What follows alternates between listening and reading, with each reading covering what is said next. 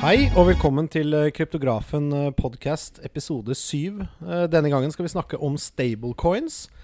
Men det er jo da eh, liten tvil om at vi må snakke litt om eh, markedsoppgangen. Og eh, hvordan det har gått med bitcoin og Ethereum da den siste uken. Det har vært en eh, veldig voldsom bevegelse. Men eh, først, eh, hvordan går det med deg, Torbjørn? Det går bra. Som sist. Fortsatt hektisk. sånn er det, vet du. Sånn er det. Ja, da har da basically bitcoin gått fra 3000, eller 3300, til 5100 på egentlig ganske høyt volum. Vi snakket jo forrige gang om eh, at eh, på eh, rekorddagen til CME så omsatte de for 360 millioner dollar. Og da var da uh, volumet på coin market cap uh, ca. 11 milliarder dollar på bitcoin. I går var den 18 milliarder. Ja. Hva skjer? Hva tenker du? Nei, altså det har jo på å si lenge vært eh, si, litt sånn gryende eh, aktivitet. eh, Litt sånn økende. eh, Som du har sett at det trappet oppover. Og vi lå vel egentlig rundt 4000 eh, før denne, eh, dette rykket skjedde. Eh, Og man nærmet seg en del sånn tekniske motstandsnivåer, eh, hvor markedet ventet på om man Ja, skulle det- bryte opp eller ned. Det har vi jo skrevet om, og det var jo på en måte rundt 4200 og 4400. Men den uh, det skøyt jo gjennom der som smør Ja, fordi det gjennom lå jo kniv. Det nærmet seg 4200 på nytt, og denne gangen smalt det igjennom. Eh, Så har det jo vært eh, en teori, eller ikke en teori, men det har vært skrevet at det var en kjempeordre. Eh, Det er de som mener å ha identifisert den på tvers av flere forskjellige børser, fordi den si, har vært algoritmisk stykket opp, så det kan hende at det er en kjempehval som har utløst dette. Men man vet ikke nøyaktig hva det er som er årsaken til at det nå går opp. Det spekuleres jo også i at man begynner å tenke på halveringen, altså hvor mye nye bitcoin som kommer inn i markedet, som skjer om et år. Og historisk har det drevet prisoppgang i forkant. Men det kan jo fortsatt ikke forklare et sånn brått hopp. Nei, jeg, har jo på en måte eh, jobbet i denne sektoren og skrevet og produsert innhold rundt å forklare markedsbevegelser i mange, mange år.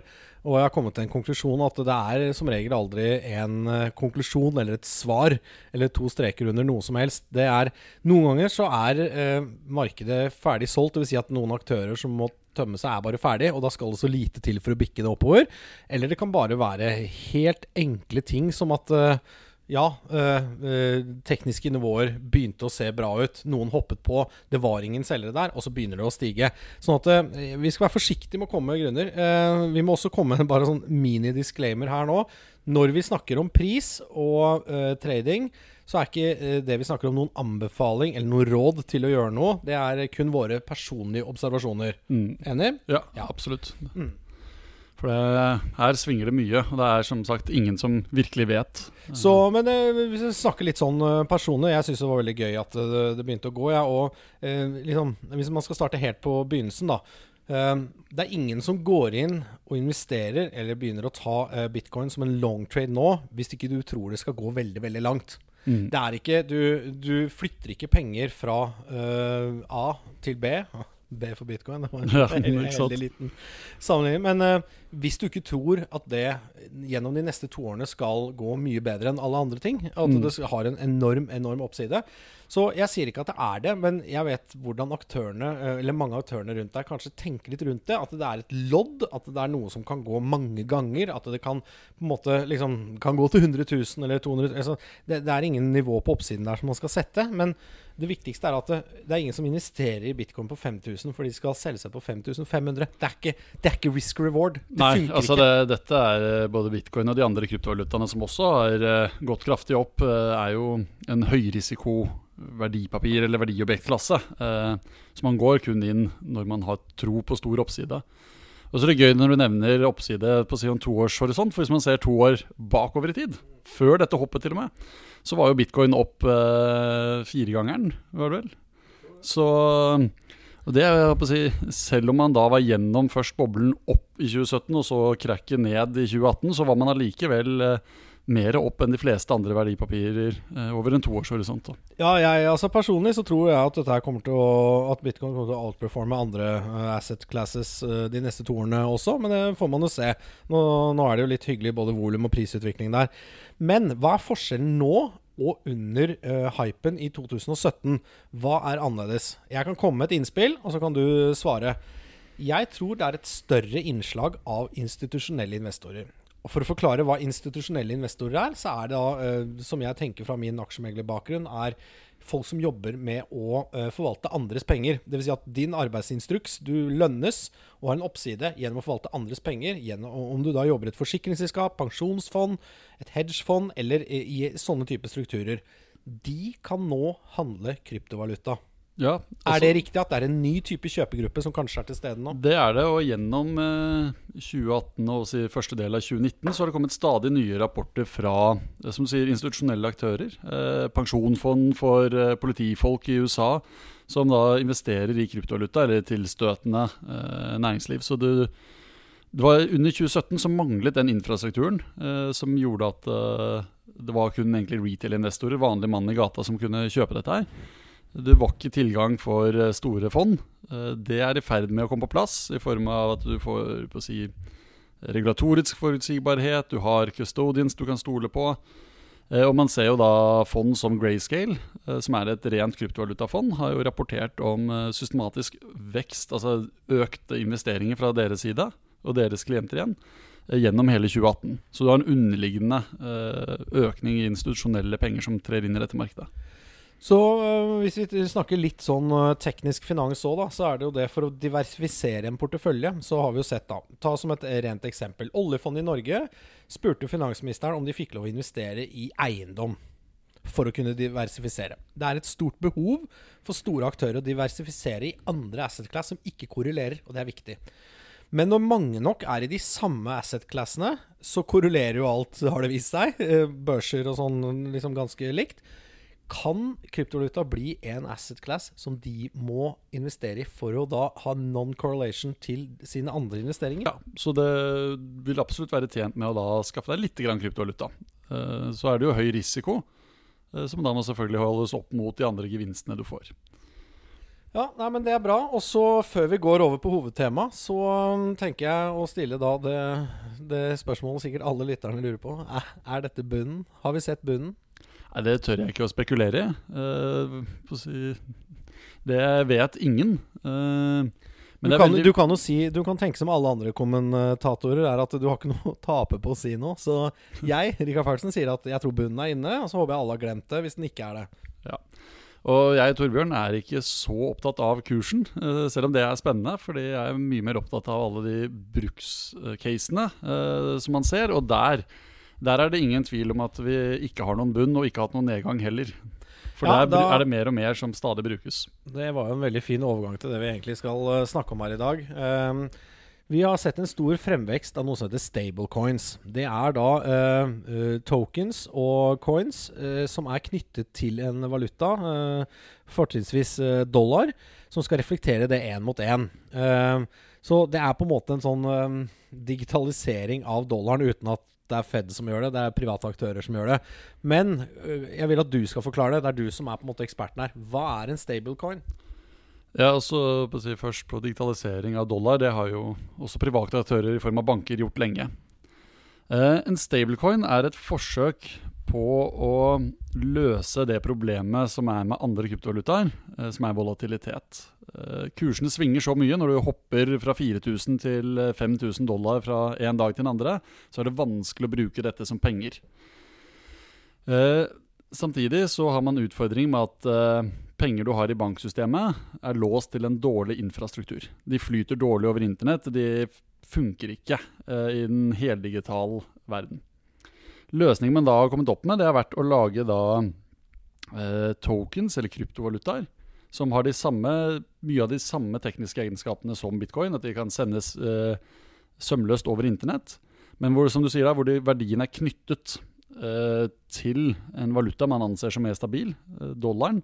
Slik at du kan bruke det i større grad som penger, eh, og ikke bare spekulasjon Men, på kort men sikt. Men stopp en halv, så la oss forstå det tekniske bildet rundt det. Eh, å være pegget til noe, det er jo ikke en fysisk pegg, men det er det at du kan veksle det inn på et tidspunkt til én mot én dollar. Dvs. Si at hvis den handler på 90 cent, Så kan du kjøpe på 90 cent, og så veksle inn til 1 dollar, og så tjener du 10% Og da vil jo kursen migrere til 1 mot 1 rasioen Eller hvordan Så det fungerer fins egentlig tre-fire forskjellige kategorier av stablecoins. Eh, og den mest utbredte til nå, eh, det er den som er pegget til dollar, f.eks., gjennom bankinnskudd. Da har du stablecoin sånn som eh, USDT, eh, USDC og en del andre navn, eh, hvor de som utsteder tokenen, sier at det én til én skal eksistere et bankinnskudd eh, i dollar som eh, representerer den dollartokenen de har utstedt. Eh, Så har det vært litt eh, manglende oversikt om det har vært tilfellet eller ikke. I perioder så har det vært usikkerhet, og markedet har i perioder eh, mistet troen på backingen, men eh, de har nå engang klart seg. Så dette er det man kan tenke på som sentraliserte stablecoins. Eh, coinen, tokenen, eh, flytter, fritt, flyter fritt rundt eh, oppå f.eks. Ethereum eller en eh, annen si, overlagssystem til bitcoin. Eh, men det er en sentralisert aktør som står bak utstedelsen. Så har du desentraliserte stablecoins, hvor du har to vi, eh, Stopp to sekunder. Eh, litt annen intro der. Liksom Dollar back det er, liksom, det er helt feil. Folk eh, skjønner det. Det er bankinnskudd. Du kan ha en token som er linket til det, og vil alltid migrere til den kursen. Men så er det da dette er desentraliserte stablecoins. Liksom Forklar konseptet der. Det er ikke så lett å forstå. Nei, var det skulle inn på å forklare. Eh, og det er egentlig to typer av desentraliserte stablecoins. Eh, det ene er rent algoritmiske. Eh, de er da programmert slik at hvis kursen deres stiger, så printes det automatisk mere. Helt til kursen da trekkes tilbake til 1 dollar igjen. Og hvis kursen faller, så er de programmert med mekanismer som skal redusere tilbudet i markedet. Så man har Er det i form av type smartkontrakter som utfører dette automatisk? Eller det er i form av smartkontrakter som utfører dette automatisk. Så der man har prøvd å automatisere en sentralbank eh, hvor pengepolitikken er et fastkursregime. Så har du den andre formen for desentraliserte stablecoins, som er eh, kryptobacket stablecoin.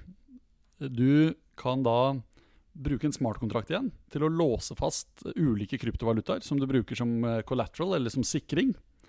Og så får du lånt stablecoinen, litt som når du bruker tar sikring i huset ditt eh, og får lånt eh, penger i banken. Eh, og det er da særlig en som heter eh, DAI, det er navnet på stablecoinen. Eh, og hvor det er en eh, desentralisert organisasjon. Altså du stemmer gjennom tokens eh, som gir stemmerett. Eh, token som heter Maker, eh, som da setter vilkårene for det lånet, sånn at det skal holde seg stabilt. Og fordi du har sikringen i disse kryptovalutaene, så er det sånn at hvis kursen på stablecoinen faller under, så vil smartkontrakten automatisk selge sikringen og begynne å kjøpe stablecoinen for å holde prisen oppe. Ja, det høres ganske eksotisk ut. Uh, men uh, hvis vi går videre på det, da. Hva, det er noe som heter syntetiske uh, stablecoins.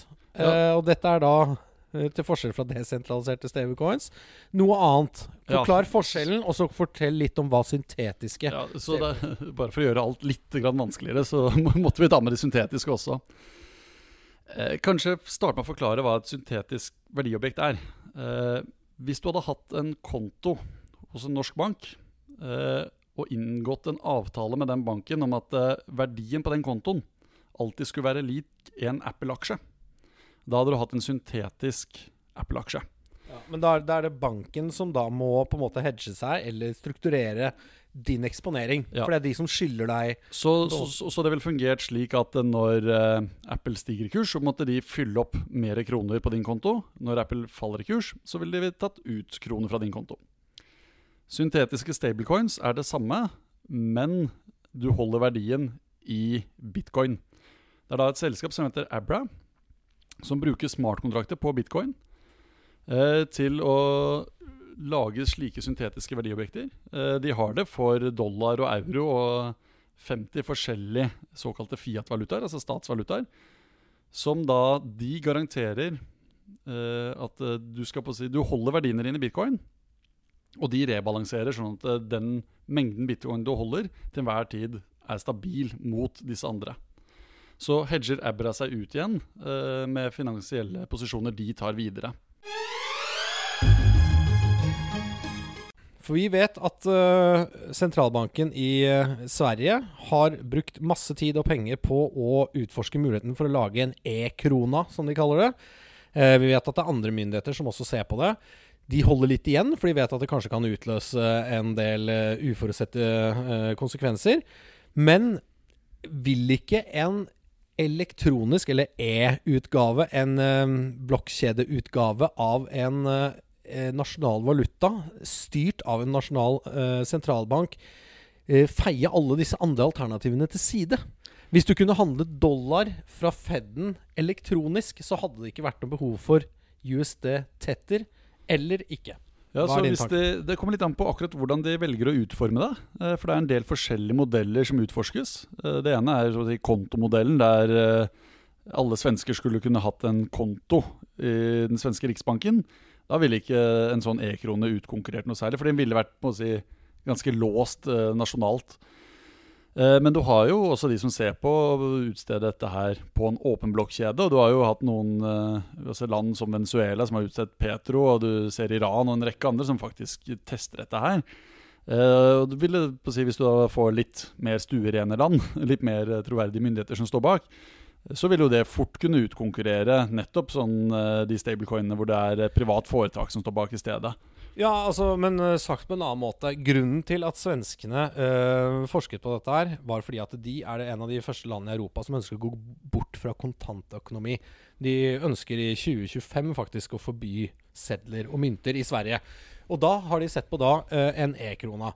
Men hvis den fungerer det samme som Ethereum og bitcoin, der du har din egen wallet, det er bare du som har tilgang, du er ikke avhengig av en mellommann, så vil det også spenne ben under hele finansindustrien og bankene. For da har du ikke behov for et bankkonto hvis ja, du eier e-kroner på din wallet. Og det er jo noe av formålet. Eh, fordi da vi hadde penger som var fysiske, så holdt vi en fordring på sentralbanken.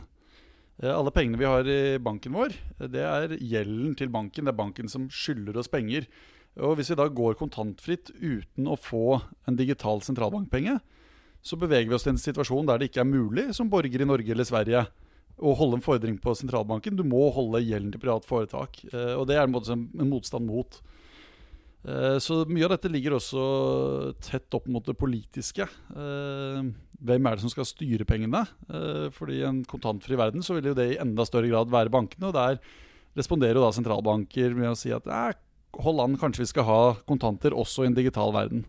Eh, ja, men uh, på det tidspunktet de føler seg truet av uh, cryptocoins, så kan de jo lage sin egen, og så utkonkurrere de. Uh, altså, jeg bare kaster ja, og der er jo, og, det, og det, Noen land kommer nok til å lykkes med det, sånn kanskje Sveits eller noe. en del andre land vil antageligvis falle for fristelsen og skulle innføre ganske mange restriksjoner.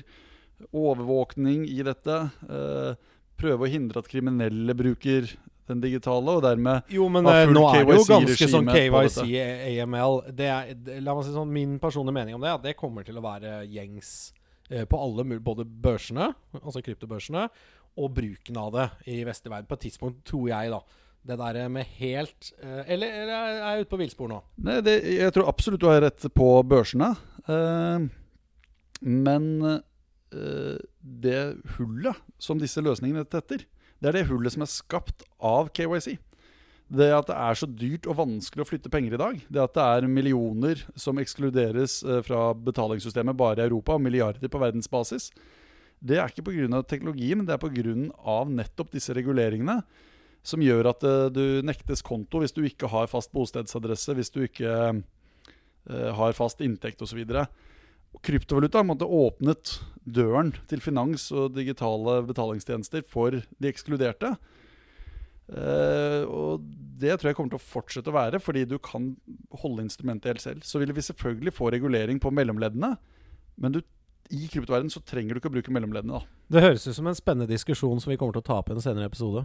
Ja, det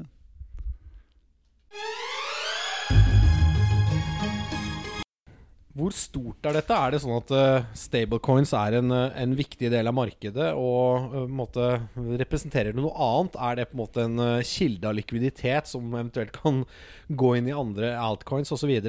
Men først og fremst, hvor stort er det, og hva slags effekt kan det ha på resten av markedet? Ja, så Det er faktisk blitt ganske stort, og mye av det har hengt sammen med nettopp trading. For det er mange av de børsene hvor du trader kryptovaluta, hvor du ikke kan bruke vanlige penger fra bankkonto. Og det er da særlig den stablecoin som heter Tether, som er blitt den eh, største, og fortsatt er den største. Eh, og verdien av alle de tetherne, alle disse tokenene som nå svirrer rundt og representerer dollar, ligger nå rundt eh, to milliarder dollar.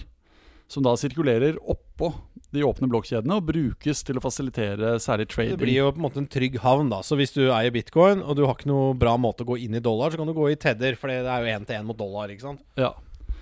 Uh, og man ser jo nå fremveksten av uh, andre stablecoin, som USDC, hvor det er Coinbase som står bak. Så, som, de er fortsatt små sammenlignet med Tether, men bygger seg opp. Uh, Hva heter de vinkelvåsgutta? Gemini Dollar? Gemini Dollar. du har den desentraliserte, altså Dai, som er tilhørende Maker, som er 100 millioner dollar. Det er jo fortsatt småpenger i sammenheng med stor finans, men med tanke på at dette er da en desentralisert organisasjon som koordinerer stemmegivning over en blokkjede. Og så klarer de å holde stabilt 100 millioner dollar. Eh, og Dai presterte jo å holde verdien sin gjennom hele 2018, hvor alle kryptoassets falt. Til tross for at sikringen, altså collateralen, var i kryptoassets. Så det viste å stå seg ganske godt. Ganske imponerende. Uh, personlig så tenker jeg at liksom, dette er litt nøkkelen til adopsjon. Uh. Nei, bare du hadde ja, ja. Eh, personlig tenker jeg at dette er litt nøkkelen til adopsjon nå. Fordi eh, hvis jeg skal ha på en måte eh, lønningen min eller pengene mine eller månedlig forbruk og sånn på en konto, så vil jeg ikke ha det i bitcoin, egentlig. For det svinger for mye. Men hvis jeg kan ha det i USDT, eh, digitalt, elektronisk og desentralisert i den eh, grad det er, eh, og bruke det, så er det jo en helt annen ting. Så disse tilbyderne her, de erstatter jo litt rollen til sentralbanken og det vanlige valutasystemet. Egentlig, hvis det er én til én, da. Ja, eller, de, de, de, tar kanskje de verdens beste sentralbanker. De som eh, lager de stabile globale valutaene. Og så tilgjengeliggjør de den pengen for hele verden. Fordi du er jo ja, fortsatt avhengig I Venezuela er det vanskelig å få tak i dollar, men du kan kjøpe USDT, og den er én til én mot dollar. Ja, nettopp. Men, men grunnen til at du pegger den mot dollar, er jo fordi Fed til en viss grad lykkes med å holde en stabil kjøpekraft for dollaren. Så, så, så, så at uh, all den tid du knytter kryptovalutaen din til en uh, sentralbankbacket valuta, så er det jo avhengig av at den sentralbanken holder uh, den underliggende stabil nok til at det er å foretrekke for folk. Ja, nei, men det, jeg er faktisk enig. Vi er jo egentlig enige. Ja, ja.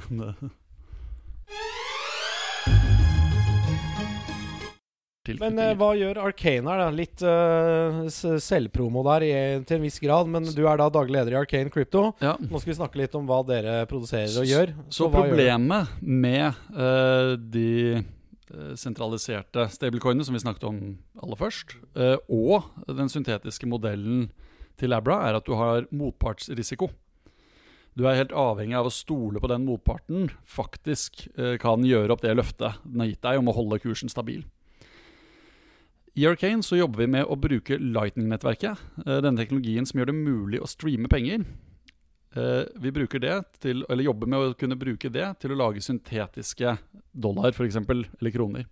Der vi istedenfor at det bygges opp en motpartsrisiko over tid, eh, alltid i sanntid gjør opp de kursendringene som måtte være. Sånn at du sender penger rett til brukeren flere ganger i sekundet hvis kursen, fall, uh, kursen stiger uh, Nei, faller, på, fordi det er bitcoin du holder. Uh, og vice versa trekker tilbake flere ganger i sekundet når kursen går omvendt. Det, det, vi, vi, har jo snakket om dette her tidligere, og vi kommer til å faktisk ha en episode om det òg. Streaming av, av, penger. Jeg tror det, det å liksom kvitte seg med kredittgivning på småtransaksjoner, bestillinger, på abonnement og på sånne egentlig tullete ting der folk havner i skifteretten mm. eller, eller, hos et kreditt... Eh, eller um, ja, eh, byrå. Så mm. Så jeg vil bare liksom For å oppsummere litt her, da. Så er det det vi jobber med, er da å bruke Lightning til å ikke bare kunne streame betaling, men også kunne streame en finansiell kontrakt. En finansiell kontrakt som kan være en Det blir en løpende mark to market, men på sekundbasis omtrent. Ja. da. Eh, og så er det jo litt sånn spennende med alle disse forskjellige uh, variantene. Så er det fordeler og ulemper med alle av de. Noen er mer teknisk kompliserte, men mer robuste hvis de faktisk funker. Andre er mer utsatt for å kunne bli stengt ned av regulerende myndigheter. Men det som er veldig spennende, er at uh, for at du skal få andre desentraliserte finansløsninger, altså desentralisert forsikring, desentraliserte lån, desentralisert investering, så er du helt avhengig av å ha disse stablecoinene. Fordi du kan ikke ha et velfungerende lånemarked som er desentralisert hvis det er bitcoin som må bli regnskapsenheten, for det svinger for mye. Men du får det ikke desentralisert hvis du skal bruke penger i banken heller. Sånn at disse stablecoinene eh, er spennende i seg selv, for du kan bruke som betaling direkte. Men det er også fundamentet for å bygge hele det som nå si, kalles DeFi, eller desentralisert finans. Så Ja. Spennende. Så det er eh, Men eh, kan du gå litt mer konkret inn på hva dere i Arcane jobber med, eller har du lyst til å ta det på en annen episode? Ja, det, så det er eh, akkurat det jeg sa egentlig. Altså å bruke Lightning til å kunne Men hva, Hvem er sluttbrukeren deres, på en måte? Hvem er kundene deres? Nei, sånn så, akkurat nå så jobber vi eh, med Vi er i konseptfasen, det er tidlig. Eh, det handler om å bygge en eh, prototyp som faktisk fungerer. Eh, og så er dette et prosjekt der man må hente en del funding på en sånn prototype, fordi det er ganske store utfordringer som må løses før du kan ta det til markedet.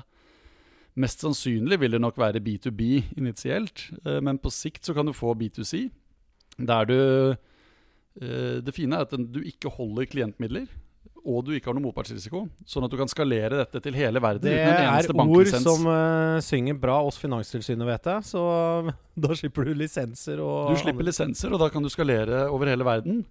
Og da kan disse menneskene som lever i land der lokale valuta klapper sammen, uh, faktisk begynne å bruke digitale kryptovalutaer uten eh, å sitte med problemet at de også er ekstremt volatile. Fordi de kan ha en syntetisk eh, dollar som de oppbevarer selv, i form av lightning, så de kan sende den fritt til hvem de vil, hvor de vil, når de vil. Men den er da stabil mot dollar eller euro eller en annen uh, verdi. Ja, det var egentlig litt sånn vi ble kjent, for vi snakket jo rundt ulike problemstillinger, og vi var jo skjønt enige om at uh, kredittgivning og det at man setter seg selv i en rar posisjon der man må abonnere på ting, eller betaler etterskuddsvis for Netflix, eller hva man gjør, uh, det kommer til å opphøre i en form og farge. Altså, det verste er hvis man bestiller store oppdrag til mange hundre tusen, og så betaler ikke uh, liksom han som skal betale for det, og man setter seg i en dårlig posisjon. Jeg tror det kommer til å snevre ned der det blir mindre kredittgivning. Og eh, strømming av penger vil kunne fungere sånn. Det, det, vil jo kunne være sånn at du betaler per sekund du ser på en film eller en TV-serie, men også lengden du, tiden du bruker på å lese en artikkel. Altså Det er sånn Nå kaster jeg ut masse rare ideer, men det, det vil åpne opp nye forretningsmodeller, da. Helt Ja. klart. Og så når du har en stablecoin, så er jo den en del av dette programmerbare økosystemet. Så da kan du sette opp smarte kontrakter, om du vil, som er da lånekontrakter, forsikringskontrakter, som blir selvutøvende. Du trenger ikke noe mellomledd som gjør det. Så da kan du få alle disse desentraliserte løsningene. Dårlig nytt for. Sats, som vi sa i første episode, men veldig bra for, eh, for dere. Eh, ja, eh, det var vårt eh, lille innslag om, eh, om stablecoins og litt om markedet. Vi vil gjerne at dere sender spørsmål og ris og ros til podcast at kryptografen.no. Gå inn på kryptografen.no, les masse innhold der. Abonner på nyhetsbrevet, ikke minst. Da får dere presentert en del gode nyheter både fra kryptografen og alle andre steder i verden. Pluss lansering av, av podkasten søndag kveld. Um, det blir lagt ut tirsdag på, på kryptografen.no, men skal du ligge i forkant, vær så snill abonner. Um, så kommer vi tilbake neste uke.